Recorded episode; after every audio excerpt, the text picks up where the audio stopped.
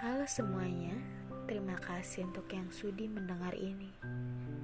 Ini adalah perjalanan tentang awal mula dari jatuh, cinta, lalu patah.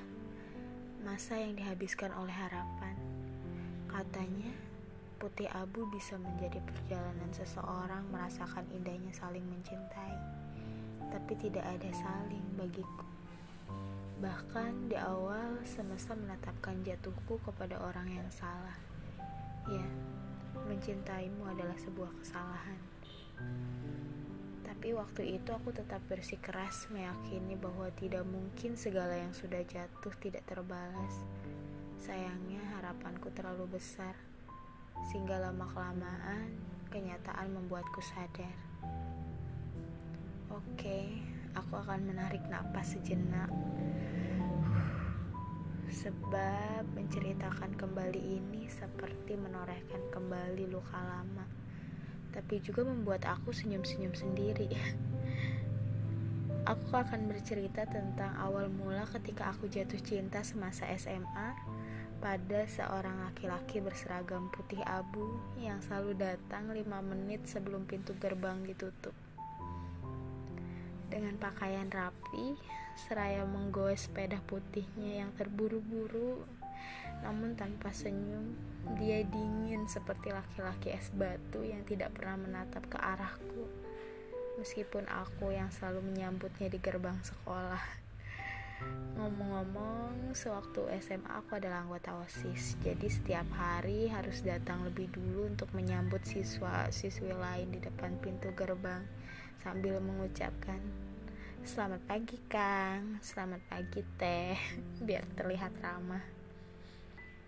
Tapi setelah dipikir-pikir sekarang, itu terlihat sangat menyebalkan. Apalagi orang yang kita sambut dengan ucapan selamat pagi tidak menoreh sama sekali. Seperti dia salah satunya. Waktu itu, akhirnya aku tahu lelaki es batu adalah kakak kelasku. Awal mula aku mengenalnya aku masih kelas 10 dan dia kelas 11. Lebih tepatnya 11 IPA 1. Dan dia duduk di meja kedua di tengah. Terkadang sesekali aku berusaha izin ke WC di jam pelajaran untuk melewati kelasnya dan melihatnya. Meski dia sekalipun tidak pernah melihatku. Tapi bagiku waktu itu mengaguminya saja sudah lebih dari cukup. Aku sempat cerita kepada temanku tentang orang yang sedang aku kagumi, lalu temanku bertanya, apa yang ngebuat lo suka sama dia, padahal kenal aja enggak. Sungguh, aku tidak pernah tahu jawaban dari pertanyaan itu sampai sekarang. Aku jawab saja asal, mungkin karena dia naik sepeda, lebih langka aja. Soalnya kan yang lainnya naik motor. Jadi gue suka sama dia karena dia lebih ramah lingkungan. Temen aku terheran-heran dengan jawabanku yang asal. Jadi lo suka sama orangnya atau sepedanya? Katanya aku ngakak. Iya juga. Ternyata jatuh cinta padanya tidak butuh alasan sekalipun tidak masuk akal ada satu hari di mana aku ingin sekali berangkat sekolah naik sepeda. Akhirnya ibu membelikanku sepeda BMX warna ungu. Sebenarnya aku geli sendiri sih dengan warnanya, tapi daripada tidak dibelikan sama sekali kan. Akhirnya selama tiga hari aku naik sepeda dari rumah ke sekolah yang jaraknya lumayan jauh, dan di hari keempat aku menyerah. Lebih baik naik motor daripada gempor. Tapi selama tiga hari itu, aku memakirkan sepedaku bersampingan dengan sepeda putihnya. Bahagia sekali rasanya. Mungkin ini belum aku ceritakan padanya. Kalau dia sedang mendengar podcast ini sekarang, dia geli sendiri mungkin sepertiku. Berbulan-bulan aku mengaguminya waktu itu. Sampai ada di satu titik aku ingin menyerah saja. Dengan keahlian stalkingku, akhirnya aku tahu media sosialnya. Dan di sana ada komentar dia bersama pacarnya. musnah sudah harapanku untuk mengenalnya lebih dekat. Akhirnya, perlahan-lahan aku mencoba melupakan semuanya, tapi itu tidak mudah. Segala tentangnya sudah masuk di kepalaku.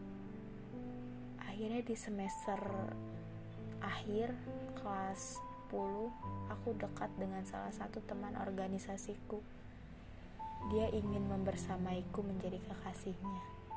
Dia sudah mengobati cinta tak terbalas yang sedang kurasakan.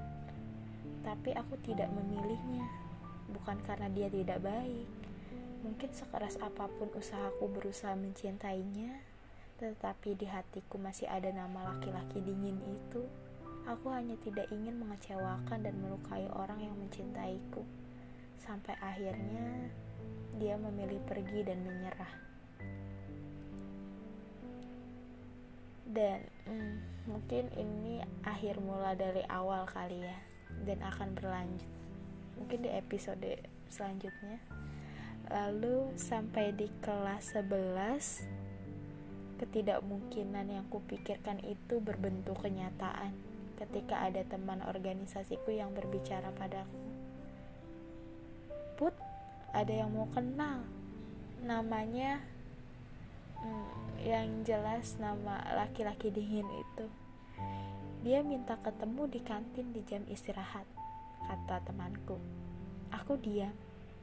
Bukan hanya kaget, tapi juga tidak percaya. Semalam aku mimpi apa? Oke, sampai bertemu di episode selanjutnya. Nantikan ceritaku. Terima kasih.